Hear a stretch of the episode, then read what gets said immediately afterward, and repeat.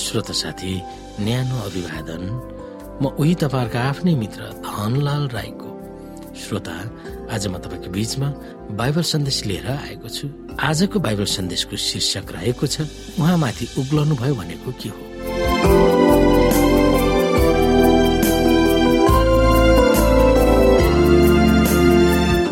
श्रोता साथी एफिसीको पुस्तक चार अध्यायको सातदेखि दसको अध्ययनलाई बुझाउन हामीलाई बाइबलका केही पदहरूले सहयोग गर्दछन्। ग्रिक भाषामा लेखिएको एफिसीको पुस्तक चार अध्यायको नौको अनुवाद कुनै अनुवादहरूमा यसुमाथि उक्लनु भयो भन्दा अघि तल झर्नु भएको थियो भनेर उल्लेख गरिएको छ। विभिन्न अङ्ग्रेजी अनुवादहरूमा उहाँ पहिला ओर्लनु भयो भनेर लेखिएको छ। कतिपय अरू अनुवादहरू ग्रिक शब्दसँग नजिकै मिलाउन खोजिएको छ। कहिले उग्लनु भयो र ओर्लनु भयो त्यसको समयलाई खुल्ला राखिएको छ। उहाँ माथि उक्लनु भयो भनेको के हो? यसले उहाँ यस धरातल र अझ तल ओर्लनु भयो भन्ने बुझाउँछ। भजन सङ्ग्रहको पुस्तक अडसठी अध्यायको अठारलाई हामीले मनन गरेका छौँ र यसलाई फेरि पनि हामी मनन गर्दा उहाँ पहिले स्वर्गमा उक्लनु भयो। अनि उहाँ पवित्र आत्माबाट तल ओर्लनु भयो भन्ने बुझाउँदछ।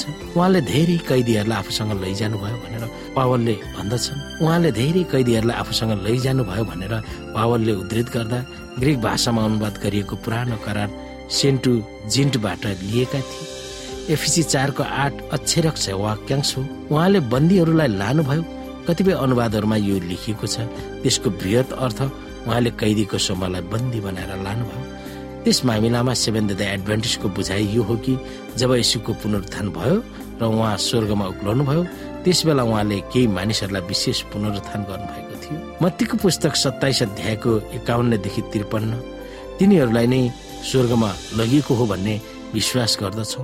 यिनीहरू फसलको समयमा हल्लाउने धानको मुठो हुन् वा मुक्ति पाएकाहरूमा पहिलो अगौटे थियो जब उहाँ स्वर्गको दरबारमा पिताको सामु उभिनु भयो तब तिनीहरूलाई उहाँको सामु प्रस्तुत गर्नु भएको थियो। हामीले कलसी दुई अध्यायको पन्ध्रलाई मनन गर्दा ख्रिस्टले उहाँको शत्रु शैतान र उसका दुष्ट स्वर्गदूतहरूमाथि विजय प्राप्त गर्नु भएको र तिनीहरू हारेका बन्दीहरू भनेर पनि चित्रण गर्न सकिन्छ। एफिसी चारको एघारमा उल्लेख गरिएको आत्मिक वरदानहरूसँग हामी बाइबलका केही पदहरू सूचीसँग हामी तुलना गर्न सक्छौँ। तिनीहरूमा के समानता र भिन्नता छ? जस्तै एक कोरन्थी बाह्र अध्यायको चारदेखि एघार सत्ताइसको तिस र रोमी बाह्र अध्यायको चारदेखि आठ र एक पत्रुस चार अध्यायको दस र एघार।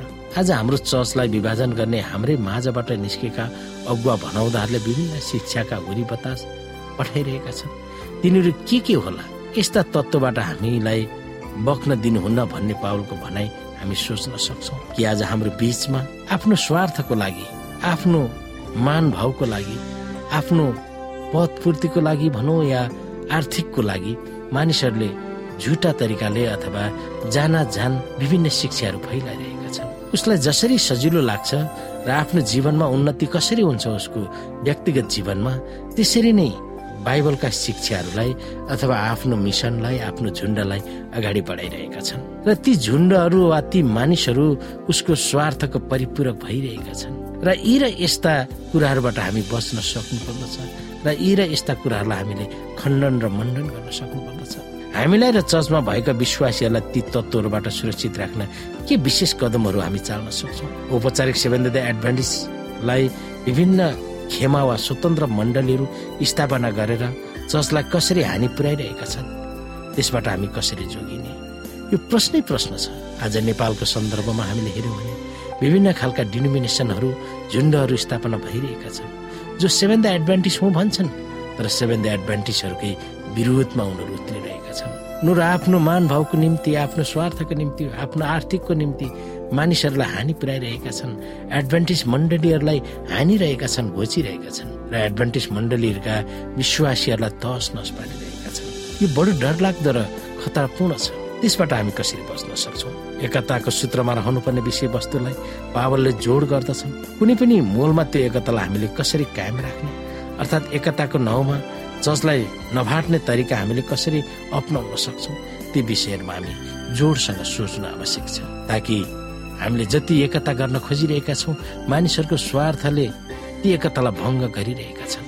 हामीले नेपालको सन्दर्भमा हेऱ्यौँ भने मानिसहरूले आफैलाई आफैले परमेश्वर जस्तै मानिरहेका छन्। विभिन्न दृष्टिले मानिसहरूलाई प्रलोभनमा पार्ने र मानिसहरूलाई आफूतिर तान्ने र गलत शिक्षाहरू प्रदान गरिरहेका छन्।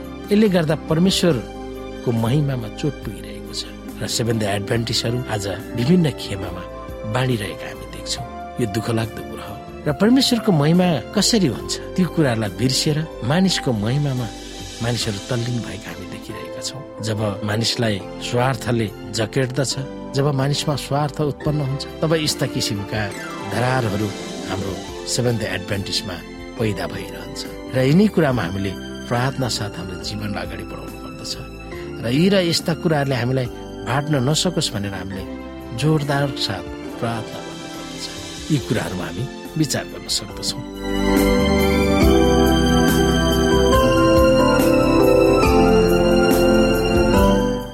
श्रोता साथी आजको लागि बाइबल सन्देश यति नै।